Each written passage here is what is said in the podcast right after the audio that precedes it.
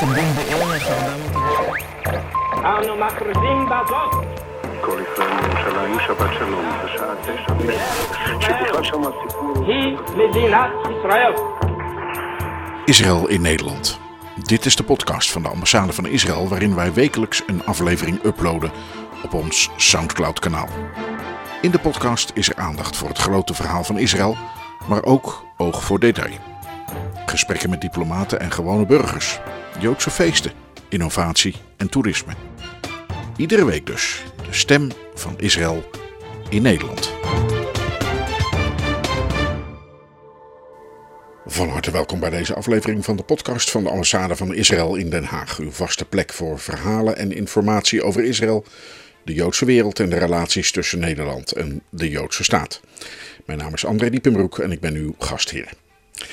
In deze aflevering van onze podcast wil ik met u nadenken over iets wat tijdens en na de geweldsuitbarsting tussen Hamas in Gaza en Israël aan de andere kant in mei en juni plaatsvond. Voor het eerst raakte de academische wereld betrokken bij het conflict. Opiniemaker en sportjournalist Frits Barend schreef op 10 juni in het NIW: Het was even schrik toen het gebouw van de Koninklijke Rijksacademie aan de Sarfati-straat in Amsterdam versierd bleek met diverse anti-Israëlische spandoeken vol demagogische propaganda als End Apartheid en Stop Ethnic Cleansing.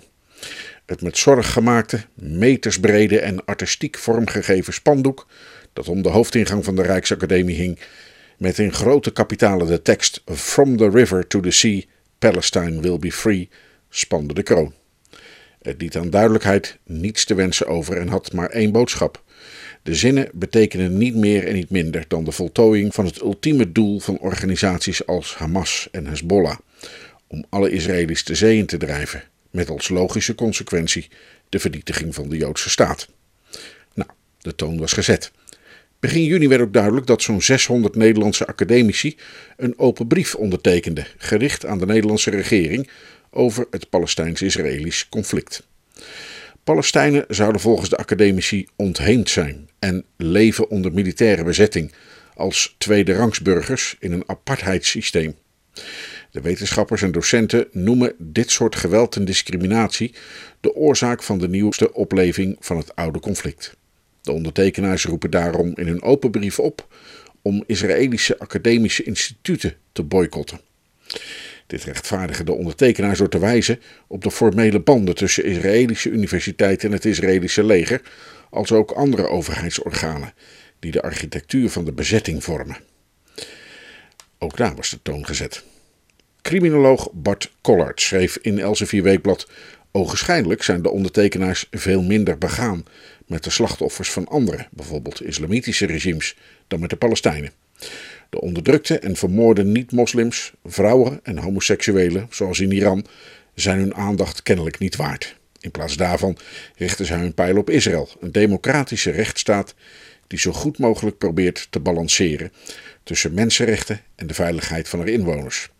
In een permanente dreigende oorlog. Anderen volgden hem in zijn verontwaardiging, onder hen hoogleraar Ashwin Elian. Academische boycott is een onderdeel van de BDS-beweging, de organisatie die door het wurgen van Israël probeert het land te isoleren en te beschadigen en heeft uiteindelijk het einde van de Joodse staat op het oog. Omdat het verschijnsel iets is wat meer zichtbaar is en breder wordt uitgedragen in Nederland, leek het ons goed er eens aandacht aan te schenken. Dat doen we eerst door Luc Smit van het CIDI, het Centrum voor Informatie en Documentatie, te vragen een schets te maken van het probleem. Ik sprak hem op een terras bij de Tweede Kamer.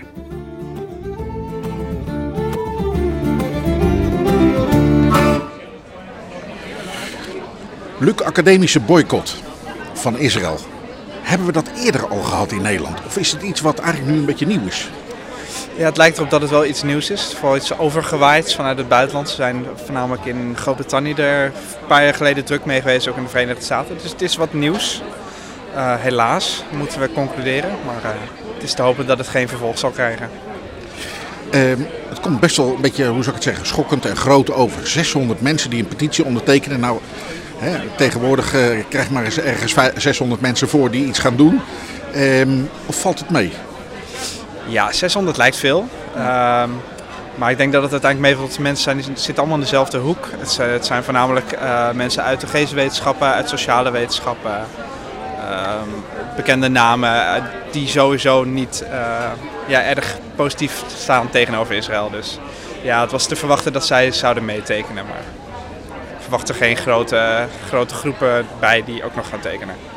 Nou is dat natuurlijk alweer een, een, een paar weken geleden dat dat gedaan is. Um, het zag er even best ernstig uit. Een beetje, de, nou, het haalde het nieuws en zo. En dan denk je, ja, waar gaat, waar gaat zo'n bal heen rollen? Waar is die heen gerold? Uh, ik, de, ik, denk in de gracht.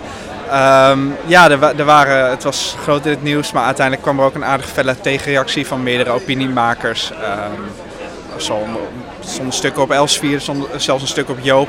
Uh, waarbij mensen toch ageerden tegen de eenzijdigheid van deze boycott. Dus ik denk dat het in het watergeval is. Waarom is een academische boycott slecht? Uh, een academische boycott is slecht omdat het uh, onderzoekers en studenten uh, beperkt hun de mogelijkheden. Het beperkt hun in de vrijheid om te, willen onderzoeken wat ze willen onderzoeken, om verbanden te leggen die ze zouden willen leggen. ja, het is eigenlijk een, een te strak corset wat je zeker de academie niet wilt aandoen. Waarom is het dan toch, laat ik zeggen, de academie, om het maar even zo te zeggen, um, um, waarom is hij toch vatbaar voor gebleken? Uh, omdat ik denk dat heel veel uh, academici ook een, een, een, gevoel hebben voor uh, ja, wat zij in hun ogen zien als rechtvaardigheid. En zij zien dit als rechtvaardig. En dan komt er heel gauw al een petitie of een, een actie uit voort. Waarom is het slecht voor studenten, academische boycott? Uh, oh, ja, je neemt ook studenten, ontneem je die vrijheid uh, om misschien te gaan studeren in Israël. Er, zijn, er zullen echt wel studenten zijn, bijvoorbeeld studenten Hebreeuws, dat is een makkelijk voorbeeld, uh, die willen gaan studeren in, in, Jeruzalem of in Tel Aviv. Maar denk ook aan de gemiddelde geschiedenisstudent, myself included. Um, ik had niet kunnen afstuderen als ik als die boycott zou gaan. Had ik niet naar de Hebreeuwse Universiteit van Jeruzalem kunnen gaan om archiefonderzoek te kunnen doen. Dus je ontneemt studenten heel veel vrijheid en ook misschien wel de kans om uh, zich te verdiepen in iets waar ze zich in willen verdiepen. Academische boycott, waar kan dat uit bestaan? Uh, het kan bestaan uit het volledig boycotten van alles, uh, alle universiteiten uit een land. je kan het ook specifiek doen, zoals deze petitie, dat het alleen maar om de academici gaat. Of alleen maar om de, de instituten aan zich, dat je dat los van elkaar ziet. Ehm, je kan het ook zien dat mensen misschien wel zelfs de ziekenhuizen zouden willen boycotten. Je kan het zo gek niet bedenken. En betekent het dan van, uh, het is nu meer op een, uh, deze boycott is een beetje, uh, actie is een beetje opgezet op persoonlijke niveau. Wil dat zeggen van nou, ik, ik heb geen wetenschappelijk contact meer met collega's in Tel Aviv of Jeruzalem of Haifa of waar dan ook. Of gaat het ook verder? Is het ook bijvoorbeeld nou, dat Israëlische collega's niet meer op conferenties worden uitgenodigd? Of hoe ver gaat zoiets eigenlijk? Het, kan zover leiden dat, dat uh, Israëlische collega's uh, niet meer welkom zijn op symposia of uh, grote bijeenkomsten. Ja, het kan zover leiden. Deze petitie is niet, volgens mij niet gericht op individuen, dus de, de, de Israëlische collega is wel welkom. maar het kan wel ertoe leiden dat, ze, dat een volgende stap wel zover gaat. Dat ze ja, bij een bijeenkomst in Amsterdam zeggen: Ja, maar jij bent van de Universiteit van Tel Aviv, houdoe. Dat kan. Hoe schadelijk kan zoiets voor Israël zijn? Ik denk voor, voor de grote, kijk, voor de, de, de, gewone bevolking zal er weinig van merken. Maar het is voornamelijk een, een, een dingetje als een, een, statusding. Uh, de Israëlische universiteiten zijn hoog aangeschreven. Zijn, zijn ook erg zeker op het gebied van technologie en wetenschap heel sterk. Um, ja, als zij niet meer de kans krijgen om te kunnen samenwerken met laten we zeggen de TU Delft, ja, dan is dat toch wel schadelijk voor hun, zeker hun academische reputatie, maar ook gewoon hun positie in, in het veld. Er is ook een reactie opgekomen, jij helemaal aan het begin zei het al even. Uh, wat was die reactie precies? Uh, de reactie was uh, vrij scherp, vrij helder. Er waren meerdere uh, opiniemakers, academici die zich fel uitspraken. Ehm, en dat met name, met name gooide op de academische vrijheid. Het, uiteindelijk kwam er naar aanleiding van het Twitter-draadje uh, kwam een reactie van de, de, de rector magnificus van uh, Leiden, Hester Bell, die heel duidelijk zei van nou, dat, dat hoort niet bij Leiden. Uh, academische vrijheid is een groot goed. zij werd gesteund door andere rectoren. Uiteindelijk kwam ook de voorzitter van de VSNU, de heer Duisenberg, ook met een heldere uitspraak van nee, Nederlandse universiteiten gaan niet over tot boycotten, niet van instituten, niet van mensen. academische vrijheid staat bovenaan. VNSU? Vereniging van, Nederlandse universiteiten. Moeilijke afkorting. Juist. Ja. Ehm, nou ja, laat ik zeggen, we hebben in 2014 een Gaza-ronde gehad en nu hebben we er dus weer een gehad. Dat, vind jij nou dat het, de reactie heftiger wordt? Hè? Nu ineens ging er eh, eh, in Amsterdam op een, eh, op een eh, academiegebouw, Free Palestine en dat soort dingen. Dat, dat, ja, ik kan me dat toch niet zo herinneren dat dat vroeger nou ook zo was. Het, het lijkt de laatste paar jaren wel steeds heftiger te worden. Elke keer als er weer een, een, een, geweldsronde is, dan, eh, ja, dan staat de, de halve studentenpopulatie staat weer op de barricades. En dat lijkt wel steeds extremer te worden. Ook met social media merk je dat het steeds erger wordt. Uh, wij hebben er zelf ook last van gehad. Wij werden ook in mei gebombardeerd met mensen die het nodig vonden om ons allemaal filmpjes te laten zien. Oh, kijk hoe erg, kijk hoe erg. en social media is nou niet heel erg goed voor een evenwichtig beeld. Um, dus het zijn mensen die zien één kant van het verhaal en die gaan er helemaal in op. En dat is prima, dat, dat is hun vrijheid om te doen. Maar uh, het helpt er niet om een goed beeld te krijgen van ja, de bizarre complexiteit uh, waar het, het, conflict toch mee omgeven is. En vandaar ook dat je vanuit die eenzijdigheid, dat je dan ook dat soort banners ziet. Want het, het, het bek lekker. Ik, ik zou het bijna kunnen zeggen, ik snap het wel, het bek lekker. Mensen joelen makkelijk mee. Je, ziet het, je zag het ook bij de demonstraties. Als er eentje begint, ja, de rest gaat meedoen. Hoe kun je nou tegen vrijheid zijn? Dat ook. Ja, hoe kan je tegen het, vrij, het vrijheid zijn? Hoe kan je tegen gerechtigheid zijn? Zou het misschien te maken kunnen hebben dat ook de social media steeds meer van invloed wordt op ons leven? Dat ook bijvoorbeeld de traditionele media het heel erg gaan overnemen en volgen en daar verslag over ook gaan doen van, nou ja, het leeft breed en zulke soort opmerkingen, waardoor je eigenlijk, eh, nou laat ik zeggen, een cirkel krijgt die zichzelf versterkt. Oh ja, zeker. Ja, social media is natuurlijk sowieso niet meer weg te denken. Uh, je zag het de afgelopen jaren al, het wordt alleen nog steeds sterker.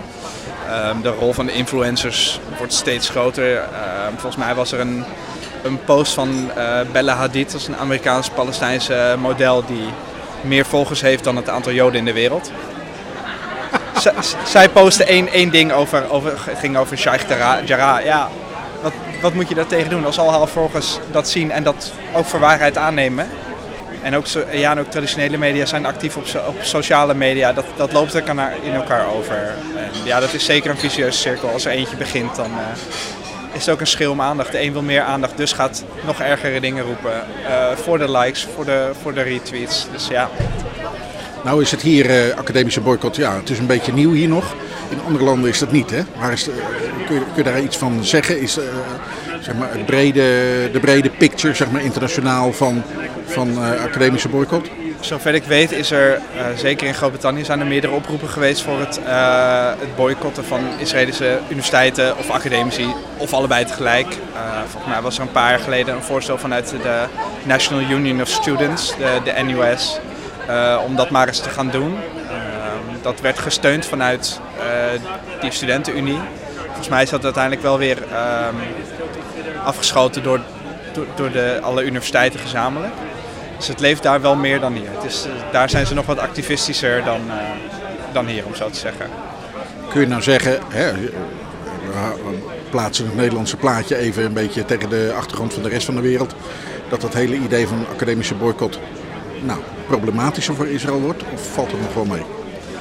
Uh, ik denk in, in, om alleen Nederland gezien dat het voor nu wel meevalt. Uh, als het bij dit soort ja, eigenlijk vrij kleine petities blijft, die alleen maar in zeg maar, de usual suspects de, doet, uh, doet ondertekenen, ik denk dat het uiteindelijk wel mee kan vallen. Ik denk dat de meeste Nederlandse en de meeste Nederlandse studenten en academische instituties hebben van ja, maar het gaat om mijn academische vrijheid en dat staat voor mij voorop. En wat ze dan persoonlijk van het hele conflict of van Israël of van de Palestijnen vinden, dat laat ze, dan zijn ze professioneel genoeg om dat achterwege te laten. Maar wel iets om op te blijven letten, denk je? Uiteraard. Ja, kijk, de, de eerste stap is gezet, zeg maar. Dus wie weet waar ze over een jaar of over twee jaar weer mee komen. En dat kan zomaar veel extremer zijn. Uh, dus ja, we gaan het zien. Goed. Het beeld is helder. In het buitenland is academische boycott groter dan het hier is. Maar de ontwikkelingen in mei en juni trokken veel aandacht en brachten het debat op gang. Een van de mensen die aan dat debat deelnamen was hoogleraar Jessica Reutman. Verbonden aan de Vrije Universiteit in Amsterdam en als historica werkzaam voor het vakgebied Joodse studies. Ze woont al decennia in Nederland, maar is eigenlijk Amerikaanse. Ze verbaasde zich over de 600 collega's die de open brief ondertekenden. Vele van hen kent ze persoonlijk. Het kostte een paar nachten slapeloosheid, maar ze besloot de pen op te pakken. Ze schreef in NRC Handelsblad: De petitie doet zich voor als een slachtofferloze boycott. Het enige wat de boycottcampagne lijkt te doen, is een aantal zelfingenomen academici, ver weg van het geweld, het comfortabele gevoel te geven dat ze iets doen om te helpen. Ik maakte een afspraak met professor Reutemann, ook weer op een terras aan het plein. Het wordt een gesprek in het Engels, want mevrouw Reutemann woont weliswaar lang in Nederland, maar als ze zich zorgvuldig wil uitdrukken over zoiets als de academische boycott, dan doet ze dat toch het liefst in haar eigen taal, het Engels. Ms. You decided to write something in NRC Handelsblad about the academic boycott. Why did you do that? I mean, it's like stepping out in the public sphere and public arena and saying something really tough about what you see happening around you. Why? Um, it wasn't a decision I took lightly. Uh, it's something that I literally lost several nights' sleep about. really, it was that like that tough? It was for me uh, for a few reasons. Um, I don't like controversy. I don't like conflict um, at all. My area of expertise is not the Israeli Palestinian conflict or the modern Middle East. I'm a historian of the early modern period, Jewish history, Atlantic history. So I felt like as an academic I was stepping out of my comfort zone. Um, and mostly about I don't know, I think I knew probably a third of the people who signed the petition. Um, I know either personally or have come in contact in some way throughout my career in the Netherlands. So it felt not only academic, but it felt very personal. Um, but it was in fact because I, I knew either personally or by reputation um, so many of the people that signed that I felt like I really did want to say something publicly because I know those people to be not only in general very good scholars, but good, caring people uh, who I think may not have been aware of the logical extension of what they were putting their names down for. Now, um, 600 people from the scientific world, from the academic world, uh, decided to speak out uh, for the Palestinians. That's a big crowd, right? That is. I mean, the Dutch academic world isn't that huge. Um, as a historian, I tried to do some research. It was hard to find too much information, but I was looking up how many of these petitions for whatever causes have circulated amongst uh, Dutch academics in the past. I couldn't find that many, and the one that I'd found that had gotten the most signatures was about um, appointing someone president of the VSNU uh, who might have cut their funding. That got more, I think, around 1,200. There could be others that I'm not aware of, but that's what I could find. And that is years ago. So um, the academic world is not that involved in taking social actions in, in, in to put it like uh, like this. But this triggered the, the, the, the whole round of fighting in Gaza triggered them probably. Well, I mean, I think a lot of academics would say that they have been uh, very involved in various causes. Um, some of the responses I've gotten from my piece have been like, yeah, but I've uh, spoken out against this or that. Fine, fair enough. Or I write about colonialism in my work. Uh, ergo, I'm an activist and I've spoken out. Uh, again, fine. I've also written about colonialism in my work. I wouldn't necessarily have said that that meant that I was taking a public stance because I'm writing about 19th century colonialism. Be that as, it's, as it may, my point was more the organized um, uh, petition. I haven't seen that before. I haven't seen petitions garnering that many signatures purely from academics, no matter how activistly inclined or how much they're doing as individuals. Were you angry? I wasn't angry. No, uh, I have to say I wasn't. And I, um, again, I understand the compulsion. I understand the reasoning of, of my colleagues. Uh, they see stuff on, on the news. They see things um, in the newspaper, on TV. They're shocked. Um, they want to do something. I, I understand. Um, I felt sad. I felt disappointed. Um, I felt like they weren't thinking through these these good people, these really smart people, uh, weren't thinking through or hadn't looked into the consequences of, of what this campaign was was ultimately calling for. I felt they've been misled by this very, as I termed it in the editorial piece, friendly um, phrase. And honestly, I, I could imagine myself being in that position as well. Um, saying, hey, we're not saying you can't work with individual Israeli academics. And then you think, as an academic, okay, because I know this nice person or I'm collaborating on this great project with this person, I still want to work with him or her, um, but I want to do something. So I felt more saddened that they were misled. We're all busy. None of us have time to look at uh, everything behind everything we do or sign. Um, so I felt like they'd been a bit misled, and I wanted to say something about that.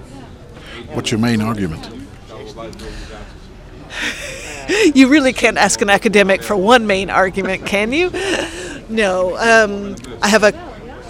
Well, I don't actually. You can't ask me to, to, to say one main argument. I've got, um, I guess, three main uh, uh, spear points of my argument.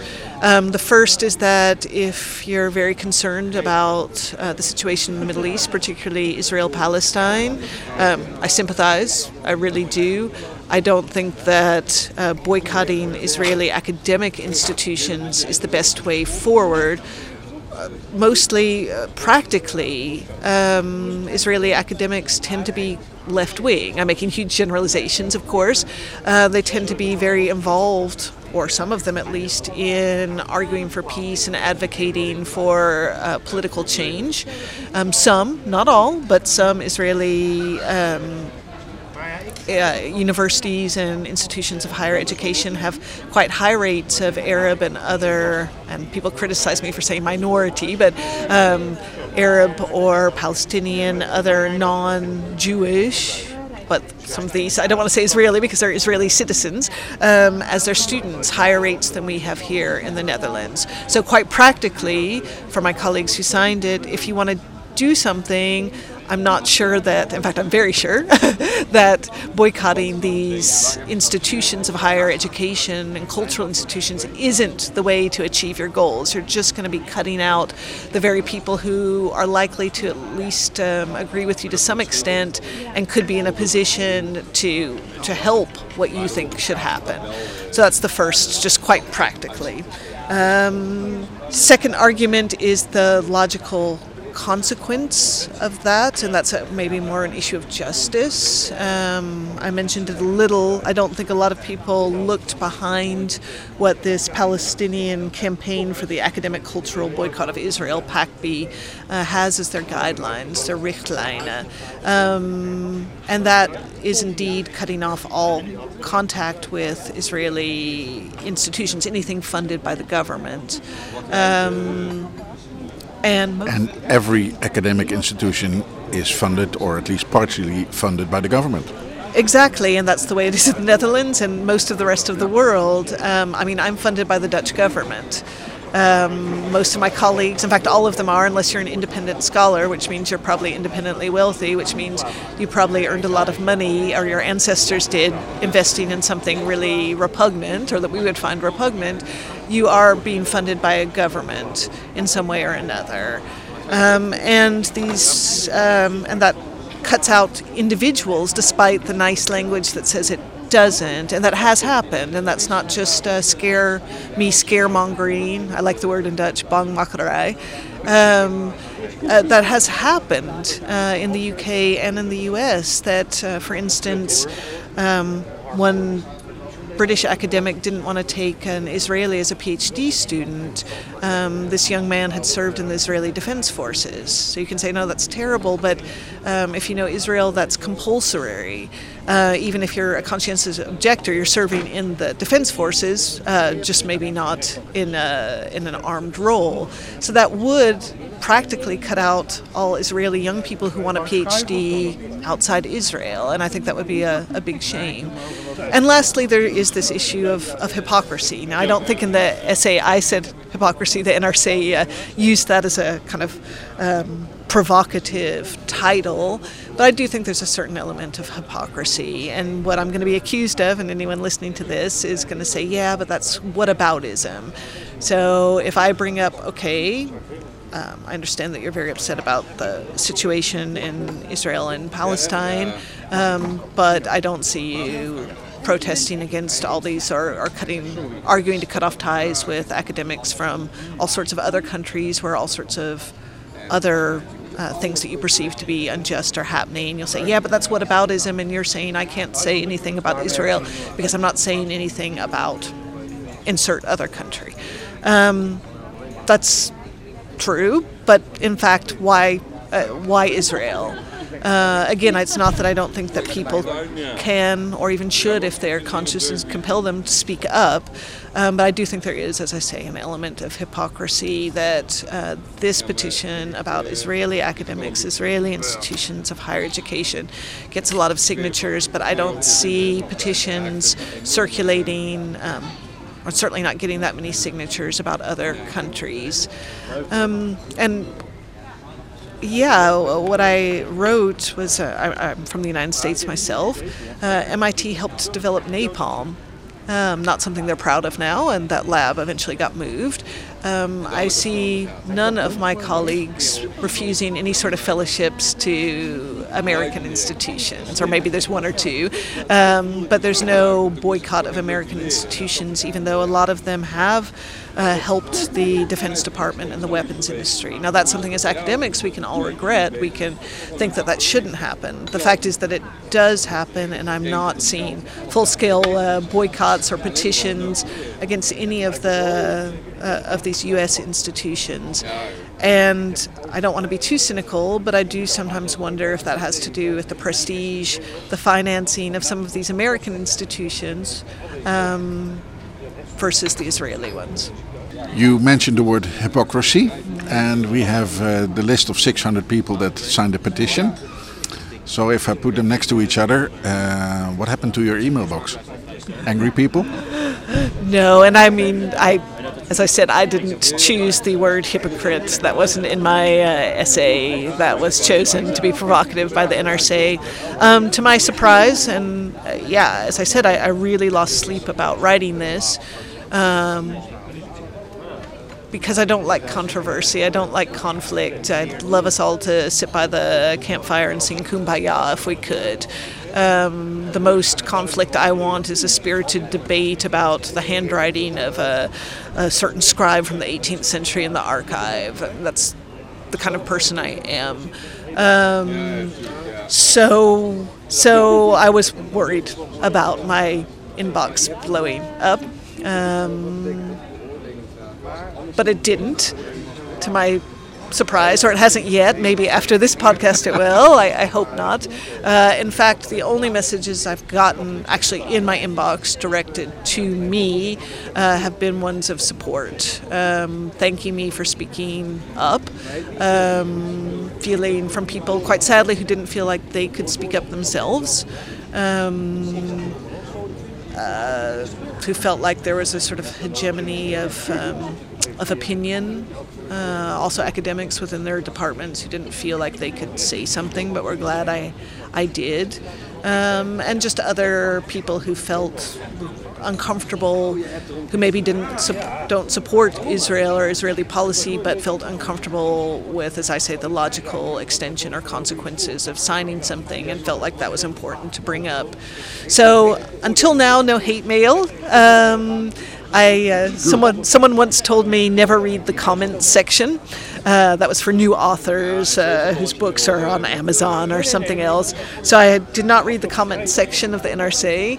Um, my husband did and some friends did, and because it's the NRC, which is quite respectable newspaper, there were obviously people commenting who disagreed with me, but it's also a moderated section. So, but apparently nothing uh, that was personally hateful or um, uh, yeah offensive or something like that. Now, one of the things that you raise in the uh, in the editorial is um, that th- there, there is this um, call for a boycott, an academic boycott, but hey, you can still have your contact with individual Israeli uh, scientists. That's okay, just uh, like an institutional affair, an institutional boycott. But you put a finger to it that that doesn't work, right? it doesn't work. There's just no way that's logical because, as I said, and there's very few of us who are independent sc- scholars. Um, uh, we're all being employed by government institutions. We're all being paid by the taxpayers of whatever country that we work in. Um, so there's just not a way that works. And some people have interpreted it as in I just won't go to Israel or I wouldn't accept an invitation to speak at a conference there. So, I mean, okay, fair enough. Um, after that, though, it gets quite tricky. Um, do you not invite researchers who um, work at Israeli institutions to your conference? I think most of the people I know who signed the petition weren't thinking about that. They, they didn't think that way. They thought, yeah, of course. I mean, I can still invite him or her to my conference. I just wouldn't go to a conference sponsored by Hebrew University or something. Again, we all as individuals have to make our own choices uh, and our own decisions about what we find, you know, our, our, our own moral compass guides us to do or not to do. But I don't think many of the people who signed it were thinking, um, oh, I wouldn't accept an Israeli PhD student, which is one of the logical extensions that has happened. Um, or I would ask these two Israeli scholars to step off the editorial board of my journal. That also has, again, not bangmakerij uh, scare tactics, that has happened in the past because that's how these Richtline, these guidelines, have been and can be interpreted. Um, I don't. The people I know who signed this petition wouldn't. I can't imagine would do that. Um, but if we're looking at boycotting academics for working at public institutions in countries that have policies that we don't agree with, well, I think most academics I know in Europe would never invite an American academic over. Certainly not when Trump was uh, was president. Um, that's not what whataboutism. That's a fact of, of, of how these things could be interpreted. Now, um, it, it, started, of course, with the petition, and then we had these banners in Amsterdam uh, on an academic institution uh, calling for uh, to free Palestine from the river to the sea and everything. Is the whole academic world getting more involved in a conflict like this? Dragged into it, maybe? Well, I don't know if I want to say anything about the whole academic world. I can speak to the corners in which I, uh, I uh, exist or inhabit. I mean, I think there has been, uh, of course, a lot of talk worldwide about um, racial reckoning. Um, in the wake of the Black Lives Matter movement in the U.S. Um, there's been a lot more awareness. There's been a lot of you know unrest amongst students, as, as there is in every generation of students, and that we, uh, something I think we should welcome with students of becoming aware of injustice in the world. And we are teaching students to look at things critically. That's what we should be doing in academic institutions. So uh, the fact that students protest things is kind of part of being a student, and in a way should be part of being a student.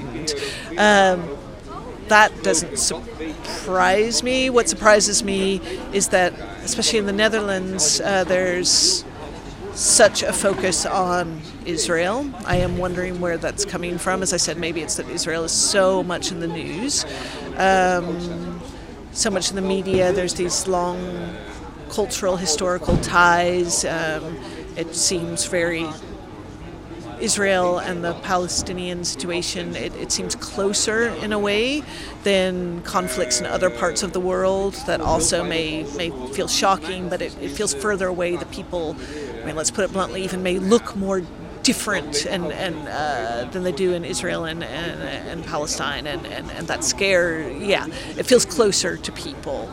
Um, so it surprises me, but not. Um, students are are being taught in some ways, and I don't. Again, I don't think that's a bad thing to look at things critically. And if they want to look at the Israeli-Palestinian conflict critically, that's great. But then I would say let's let's look at it not only the conflict critically, but again back to the petition. Let's look at um, if after looking at it critically, you still feel that uh, Israeli policy needs to change. Is this the right way to do it? You wrote this uh, uh, this editorial out, also out of worry, out of something that it bothers you, um, a feeling that it creates a precedent. I was worried about this concept of collective responsibility. Um, and I say this again, being American, American Dutch, I've lived in the Netherlands for a really long time, but if we look at how uh, controversial American policies have been worldwide, um, I would really find it um, unfair uh, and, and, horrible to be held responsible for what various American governments have done or not done worldwide. Uh, governments I may have voted for or may not, in recent cases, have voted for. And I think that is what's happening in Israel. Um, Israelis, and I do want to emphasize that it's uh, Israel, again, is not just people who are Jewish, um, but Israelis uh, are being held responsible for collectively, being punished collectively uh, for what people view. Um,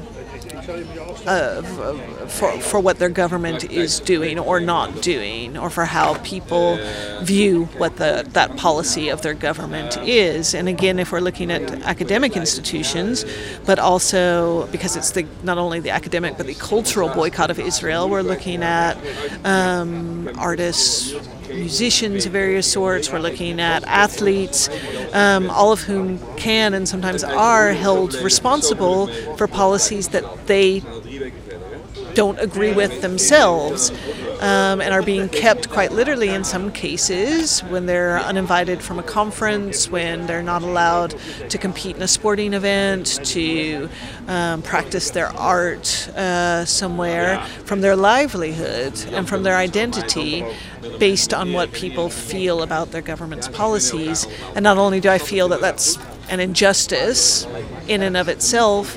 Again, coming back to the beginning of our interview, if we're talking about practicality, I, I just don't think the aims of the people who are, are engaging in this boycott um, are going to be met because you're cutting out the people who, who are more likely to agree with what you think Israeli policy should be.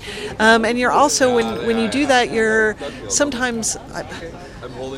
Uh, you're, you're pushing people into corners. You're making them defensive. Um, you're making them angry. You're making them feel that sense of injustice. And that's more likely, again, practically, to maybe push them um, towards a more insular or less outward looking uh, policy than you would like them to have. So, if your aim is to concretely find a way to change Israeli government policy on this issue, I just don't think by not allowing these people, uh, artists, um, uh, athletes, academics, to participate in, in basically the global society of, of, of, of their of their profession is is is going to work, and I don't think it's right. Geen goed idee. Academische boycott van Israël. U hoorde hoogleraar Jessica Roitman, verbonden aan de Vrije Universiteit in Amsterdam. Mocht u meer willen weten over de boycott van Israël in de academische wereld of op andere terreinen, of hoe u BDS kan herkennen, dan verwijs ik u graag naar de website van het CIDI, die daarover een zeer informatief dossier heeft. Gaat u even naar cidi.nl.